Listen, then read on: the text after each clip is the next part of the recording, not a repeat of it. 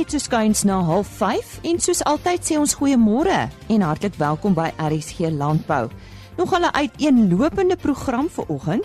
Ons praat oor uh, bosbou en die uitdagings as ook uh, het u geweet dat daar omtrent 24 000 klein bosbouboere in Suid-Afrika is. Verder praat ons oor piesangbos siekte en oor aartappels. Ons begin ver oggend met 'n brokkie landbou nuus. Die agbus-ekonoom Wandile Sihlobo meen dat alhoewel hy oor die algemeen positief is oor Suid-Afrika se 2017-2018 mielieoes, kan onlangs 'n ryp in dele van die Noordwes-provinsie die gehalte van die oes verlaag. Tot dusver is ryp in gebiede rondom Lichtenburg, Delareyville en Sannieshof aangemeld. Hy sê die bedryf sal die opbrengste en gewasgehalte verslae in die komende weke noukeurig moet monitor om die omvang van die skade te bepaal. Ons het gisteroggend op RSG Landbou met Ronald Heath gesels. Hy's navorsingsdirekteur van Bosbou Suid-Afrika. En indien u hierdie onderhoud misgeloop het, besoek gerus die gewone RSG webtuiste vir 'n potgooi van die program of u kan www.agriorbit.com raadpleeg. Daar word ons onderhoude natuurlik ook uh, as 'n uh, potgooi gelaai. Soek net onder broadcast vir ons verskeie onderhoude. Nou Ronald Heath uh, het gisteroggend gepraat oor uh, die bedryf, hoe groot die bedryf in Suid-Afrika is, die bydrae tot die land se ekonomie en ook uh, die uitdagings wat hierdie bedryf in die gesig staar. Nou vanoggend praat ons verder soos ek genoem het en uh, Ronald, baie dankie dat jy weer by ons aansluit. Bosbou word dikwels in 'n swak lig gesien. Uh wat die impak daarvan op die omgewing betref. Brei bietjie vir ons uit hieroor.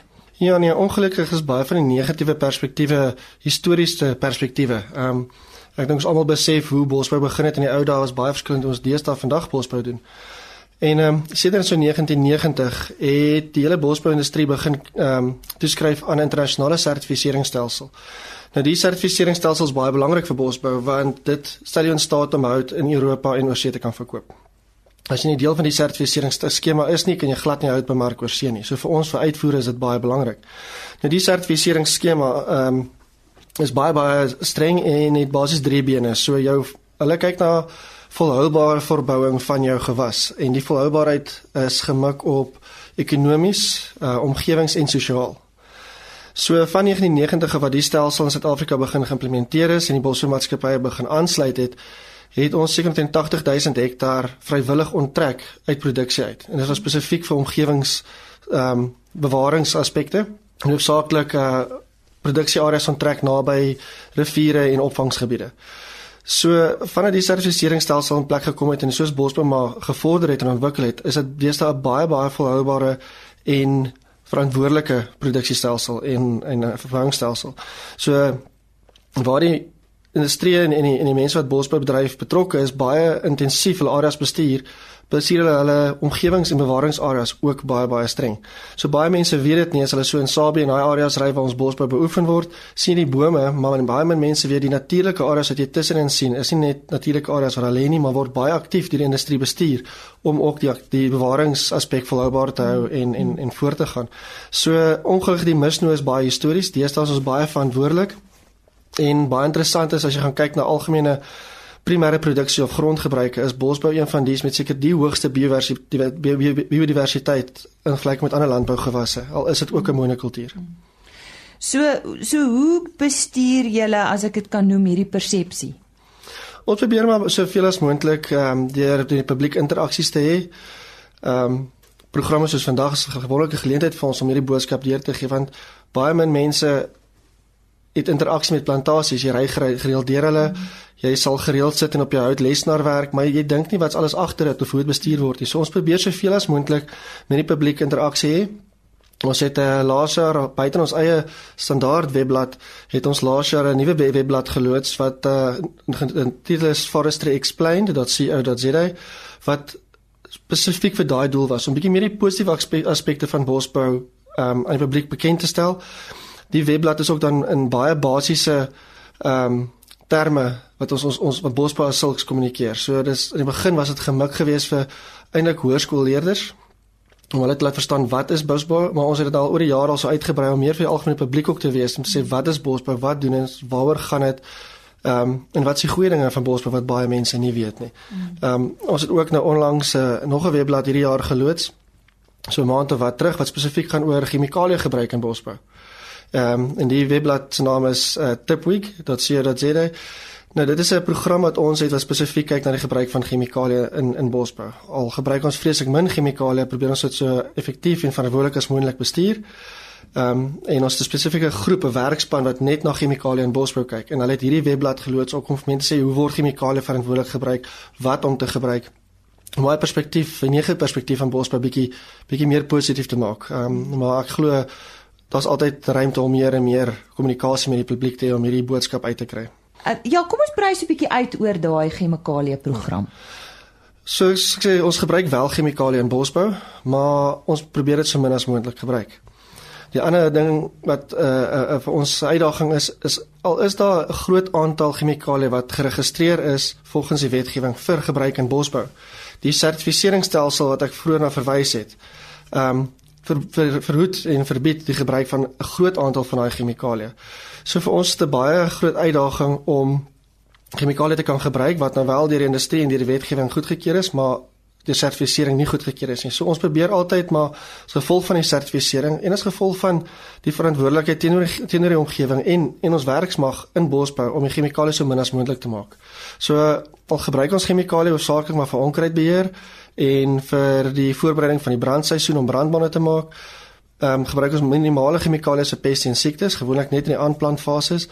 En die wat ons gebruik, ehm um, gebruik ons so min as moontlik. Ons het ook 'n aantal navorsingsprogramme op die oomblik aan die gang wat ons kyk om die hoeveelheid chemikalieë wat toegepas word te kan verminder en ook om te kyk na alternatiewe na uh, van as chemikalieë sodat ons soveel as moontlik chemikalieë kan verminder en as moontlik eendag miskien totaal en al nie meer te kan gebruik nie. Ek wil graag met jou gesels oor ontwikkelende boere in julle sektor. Vertel ons bietjie van julle ondersteuning aan hulle en hoeveel is daar vir interessantheid? In Bosbou op die oomblik is omtrent so 24000 klein groeiers. Ehm um, Dit is 'n groot aantal, dit groei nog steeds. Ek dink soos grondhervorming sal voortgaan, gaan ons teen sien dat daar 'n uh, toename in in klein groeiers is spesifiek. Die uitdagings van ons klein groeiers is baie dieselfde as ek dink enige nuwe groeiers of klein groeiers in landbou in die algemeen.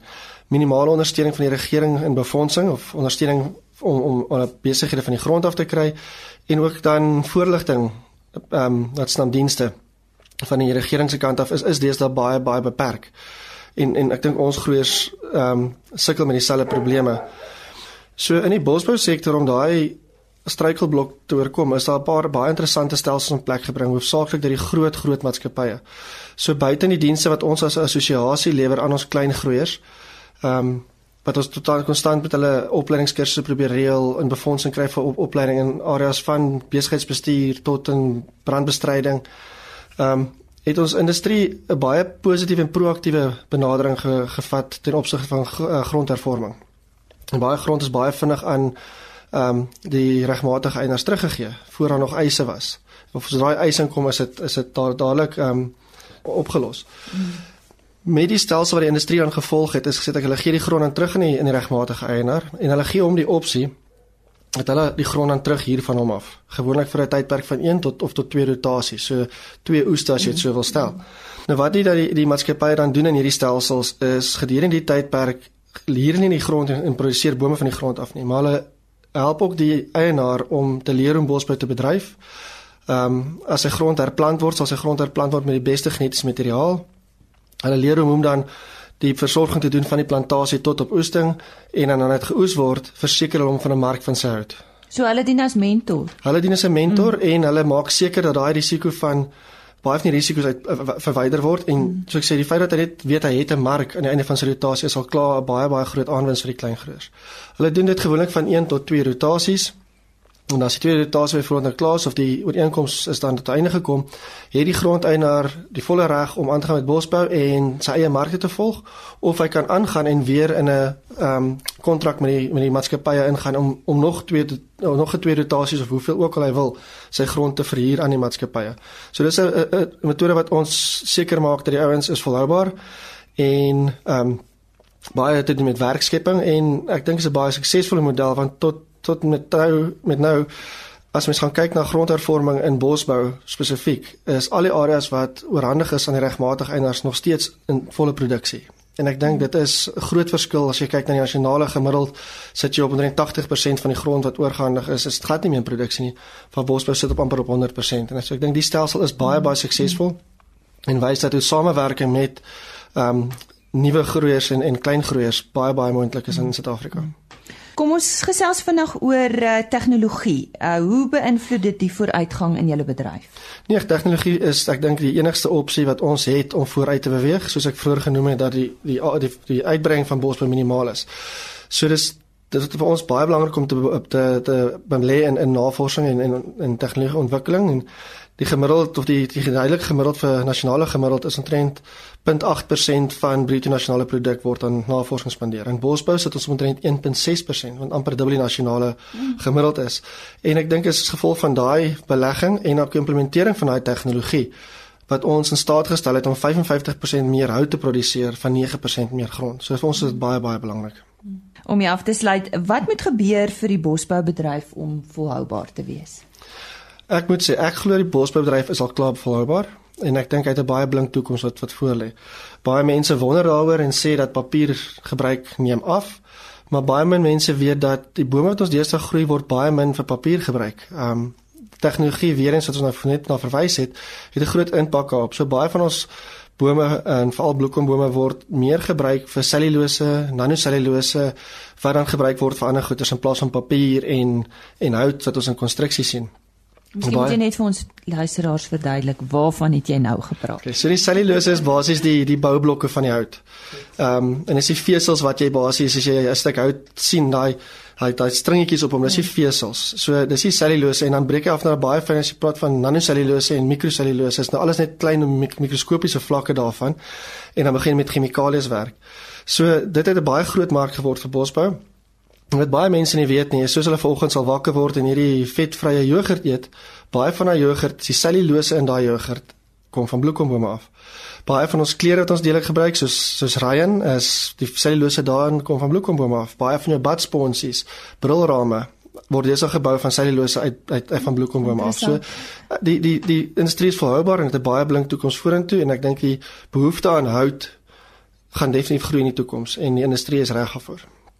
Nou ja, dit was 'n interessante gesprek met die navorsingsdirekteur van Bosbou Suid-Afrika, Ronald Heath. Ronald, het jy 'n webtuiste as iemand dalk so 'n bietjie meer oor julle wil gaan lees? Ehm um, ons het soos jy eintlik drie webtuistes wat interessant is vir die assosiasie self, is dit forestry.sa.co of forestry.co.za.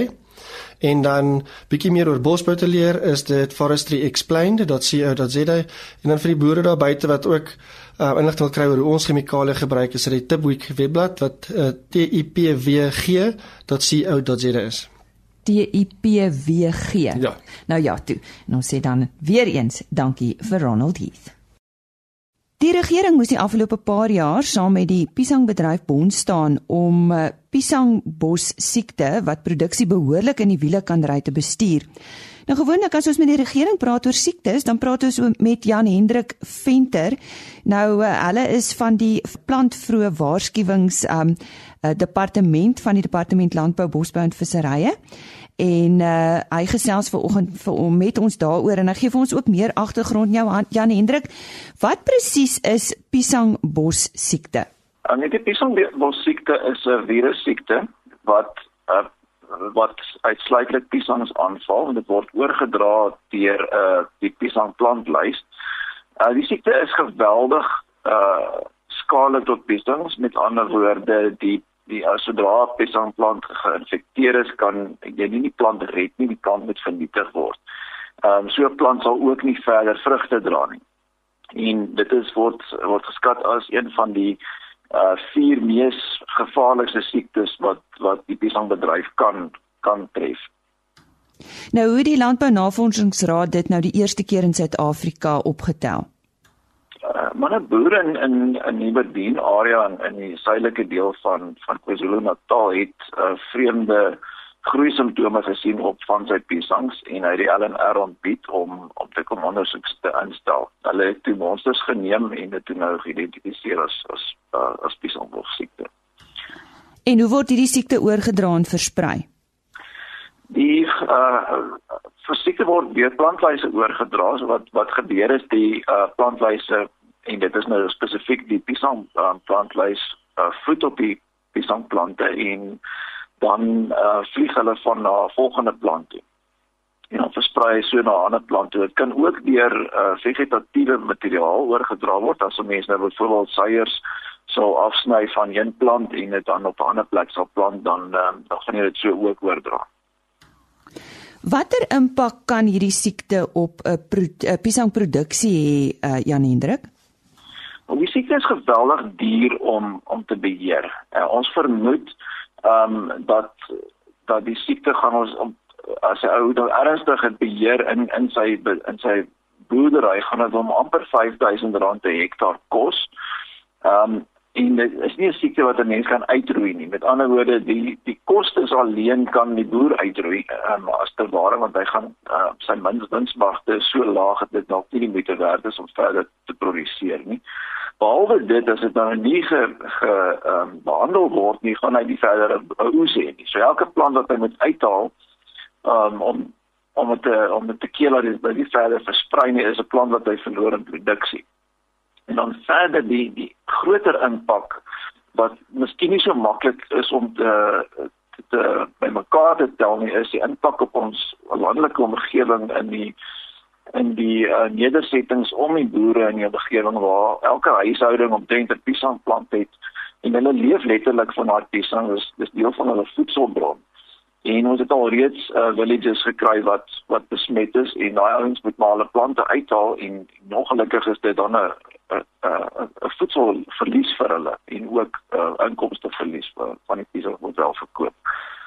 Nou die goeie groot vraag is hoe kan hierdie siekte nou uh, beheer word? Uh, Watter rol speel die departement daarin om die verspreiding te uh, te verhoed? Ja, die departement het in November laas jaar 'n uh, regulasie opgestel wat bepaal dat die siekte is 'n verbode um, organisme in die land. Met ander woorde, die um, boer moet 'n plan maak om dit te beheer eerstens en dan ehm um, verder ook gaan word sy ehm um, grond ook onder lasgewing geplaas dat hy wel die plante moet uithaal en en vernietig. Ons is ook besig met 'n bewusmakingsveldtog en ons werk met die um, lokale departement van landbou by sover as moontlik saam om te kyk of ons die die landbouvoorligters vir mense die raad kan gee van hoe om in te staan en en die die siekte vroegtydig te kan identifiseer. Want as jy piesangplan nog klein is en jy kan dit identifiseer, dan is dit baie makliker om te beheer. Um geen land in die wêreld het hierdie siekte ongelukkig al ooit uitgeroei nie. So dis 'n ding wat nou daar gaan wees en ons gaan moet leer um hoe om saam te boer en hoe om saam te te leef met die siekte wat nog steeds koste-effektief kan wees. En daarmee baie dankie aan Jan Hendrik Venter van die Departement Landbou, Bosbou en Visserye. Ons het met hom gepraat oor 'n piesangbos siekte. Voor ons oor aartappels gesels, die gemiddelde leerprys het volgens 'n verslag van Absa so week of wat gelede met 3,2% gestyg om teen 7,67 rand per kilogram hoër as die vorige week te verhandel. Die leermark het tydelike steun gekry van die swakker Suid-Afrikaanse rand wat gehelp het om pryse stabiel te hou. Met meer as 4000 verskillende aartappelkultivars wat wêreldwyd gekweek word, is dit duidelik dat hierdie gewas 'n groot bydrae maak tot menslike voeding die landbou en natuurlik die ekonomie. Ek gesels met Carmen Miller van die Universiteit van Pretoria. Nou sy het onlangs 'n studie voltooi oor aartappels se biodiversiteit ten opsigte van kwaliteit en voedingswaarde. Nou Carmen, wat was die doel van hierdie studie van jou? Aartappels is 'n ongelooflike diverse produk en dit word oor die hele wêreld geëet en geniet en verbou en vir 'n verskeidenheid van doeleindes gebruik. En soos jy sê, daar is duisende kultivars en elke kultivar is uniek in terme van voedingswaarde en tekstuur en waarvoor hy gebruik kan word. Daarom het ons dit nodig gevind om te kyk na hoe die aardappels in die Suid-Afrikaanse konteks lyk en waarvoor ons hulle kan gebruik en wat hulle bydra tot die dieet.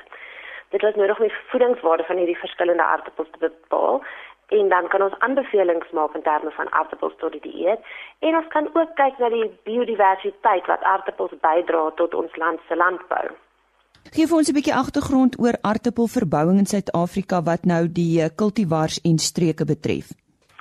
Ons het in Suid-Afrika 16 produksieareas dwars oor die land en ons verbou aardappels onder drooglandomstandighede en onder besproeiing wat uniek is van Suid-Afrika is ons het twee produksie tye deur die jaar so ons verbou aardappels beide in die winter en in die somer so daar's altyd in Suid-Afrika vars aardappels wat nogal uniek is want in meeste ander lande het hulle net somerproduksie.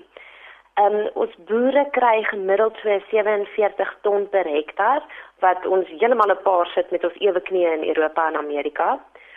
Ons grootste produksieareas in Suid-Afrika is die Oos-Vrystaat, Limpopo en die Sandveld. En soos ons nou ook genoem het, daar's verskriklik baie kultivars in die omloop wat ons kan gebruik, maar ons gunsteling aardappels of die wat wat die markleiers op hierdie stadium is, is Mondial en Sifra en dan word hulle gevolg deur kultivars soos Valor en Nord La Norma en dan sal ook die ou gunstelinge soos BB1 en Up to Date. Nou hierdie gaan nou 'n interessante antwoord wees vir ons almal dink ek. Wat was jou bevindinge ten opsigte van die voedingswaarde van verskillende kultivars? Ons het ook hierdie bevindinge baie interessant gevind want dit was nie presies soos wat ons verwag het nie. Daar was 'n wesentlike verskil in die voedingswaarde van verskillende kultivars oor al die nutriënte. So tussen al die kultivars en oor al die nutriënte was daar verskille. Wat ons baie interessant gevind het en wat hierdie beteken is dat verskillende aardappels verskillende rolle in die dieet kan speel en kan gebruik word vir dieet spesifieke doeleindes. En dan is daar ook 'n verskil in die voedingswaarde van aardappel met en sonder die skil. So mense moet maar liefs die aardappel se skil aanhou. Ja, so het ek al gehoor. Hoe het julle dit bepaal, Carmen? Die 10 kultivars wat ons in hierdie studie gebruik het, was die 10 kultivars wat die markleiers is. Hierdie aardappels is onder dieselfde omstandighede op dieselfde plaas um, gekweek, so hulle almal het dieselfde behandeling gekry, dieselfde weer, dieselfde besproeiing. Alles het presies dieselfde gebeur. So het so tot seker gemaak ehm um, ons tyd die veranderlik is uit wat 'n effek kan hê op hierdie aardappels. So ehm um, niks wat anders vir die aardappels tydens hulle groeiproses nie en nadat hulle geoes is, het ons hulle in 'n geakkrediteerde laboratorium geanaliseer vir die voedingswaarde. Nou jy het uh, vroeër gesê dat ons liefs die 'n skilletjie moet aanhou as ons 'n aartappel eet, maar hierdie manier waarop aartappels gaar gemaak word enige invloed op voedingswaarde of tekstuur. Aartappels is ongelooflik divers en hulle kan vir meeste kookmetodes geskik wees wat met 'n verskeidenheid van disse met hulle mee kan maak. Aartappels kan deel vorm van 'n gesonde dieet, dis 'n voedingsryke bron, styselbron en um, daar's daar's 'n rede hoekom hulle daarna verwys as gesondheid uit die grond uit. Dit is regtig gesondheid uit die grond uit. Maar om seker te maak jy kry die beste uit jou aardappel uit, ehm um, moet mens liefs die skil aanhou. Dit maar dit verseker dat van die vog, van die voedingswaarde nie uit die aardappel uitloog in die kookmedium in nie. En mens moet maar ook 'n oogie hou op dit wat jy om en in en by die aardappel sit wanneer jy hom gaar maak en wanneer mens hom eet. Sou jy sê dat daar 'n verskil is in die voedingswaarde van twee aartappels van dieselfde kultivar, uh, maar wat onder verskillende toestande gekweek word, Carmen? Ek dink daar kan 'n sekere verskil wees. Hoe groot en wat die verskil is, is het ons nou nog nie bepaal nie, maar die groeiomstandighede van 'n aartappel het 'n effek op die aartappel se se interne kwaliteite. Enigiets van grond tot reën tot sonlig en die die hoe hy behandel behandelinge wat hy gekry het tydens die groeiproses. Dit kan als bydra tot verskille in tekstuur en in voedingswaarde, maar die aardappel se kultivar intrinsieke eienskappe bly ook 'n groot bepalende faktor faktor van van voedingswaarde en van tekstuur. Brei vir ons bietjie uit op die gaarmaakmetodes en die navorsing wat julle hierop gedoen het. Daar is en sekere kultivars wat tekstureel meer geskik is vir sekere kookmetodes as ander. En hoe ons hierdie bepaal is, ons kyk na die aardappels se droë materie, so dit gaan oor die droë materie tot vogverhouding. hoe meer droë materie 'n aardappel in hom het, hoe beter geskik sal hy wees vir iets soos mash of chippies mee te maak of 'n gebakte aardappel. En dan nou hoe laer die droë materie van 'n aardappel is, hoe meer geskik sal hy wees vir kookmetodes soos om hom te kook of te stoom. So aardappel sal dan sy beter sy vorm hou tydens die die gaarmaakproses. Nou ek dink iets waaroor ons almal mal is, veral as dit kom by die reuk daarvan en dit is nou slap chips. Gesels bietjie met ons oor die klassifikasie van slap chips in 'n erkende stelsel. Is dit moontlik? Sê dit was dit was 'n vreeslike lekker ding om te bepaal. Ehm um, hoe ons dit gedoen het, ons het hierdie 10 kultivars gevat om te kyk is daar sekere kultivars wat beter geskik is vir slap chips. Slap chips is 'n unieke Suid-Afrikaanse produk. Ehm um, dit is 'n lekker dik chip wat lank en slap is, nie soos ons die ander chippies in ander lande ken wat bietjie meer dunner en en harder is nie. So om ons slap chips te te klassifiseer, was dit nodig om te kyk na die aardappels en al die aardappels is deur dieselfde kookmetode gesit en deur 'n proepaneel gesit om te kyk watter kultivar het die beste gedoen um, vir slap chips voorbereiding. Wat ons gevind het, soos met prosesseringsaardappels, 'n aardappel wat 'n hoër droommaterie het, so dis by minder volg, is beter geskik vir hierdie kookmetode. Tydens die diepvet braai proses is al verskriklik baie is al in vir 'n hoë droommaterie aardappel is al minder vog wat uit die aardappel moet gaan. En hoe minder vog uit hom uitgaan, hoe minder olie absorbeer hy tydens die kookproses. So hoë droommaterie lae vog aardappel sal ook vir jou soos ons sê 'n fluffy on the inside, crisp on the outside chippy hier en wie wil nou nie dit hê nie. Nou ja, ons uh, het nou duidelike inligting gekry oor aartappels en dat dit redelik veilig is om te eet met hoë voedingswaardes. So gaan maak maar vanaand uh, daai aartappels gaar. Miskien is dit beter om die skilletjie aan te hou. Ons sê baie dankie aan Carmen Miller van die Universiteit van Pretoria en ehm uh, sy het onlangs 'n studie voltooi oor aartappels se biodiversiteit ten opsigte van kwaliteit en voedingswaarde. Daarmee het ons aangekom aan die einde van vandag se RSC landbouprogram. Onthou, ons is weer net so skuins na 5 môreoggend terug met nog RSC landbou nuus. Totsiens. RSC landbou is 'n produksie van Plaas Media. Produksieregisseur Henny Maas Aanbieding Lisa Roberts. en inhoudskoördineerder Jolandi Root.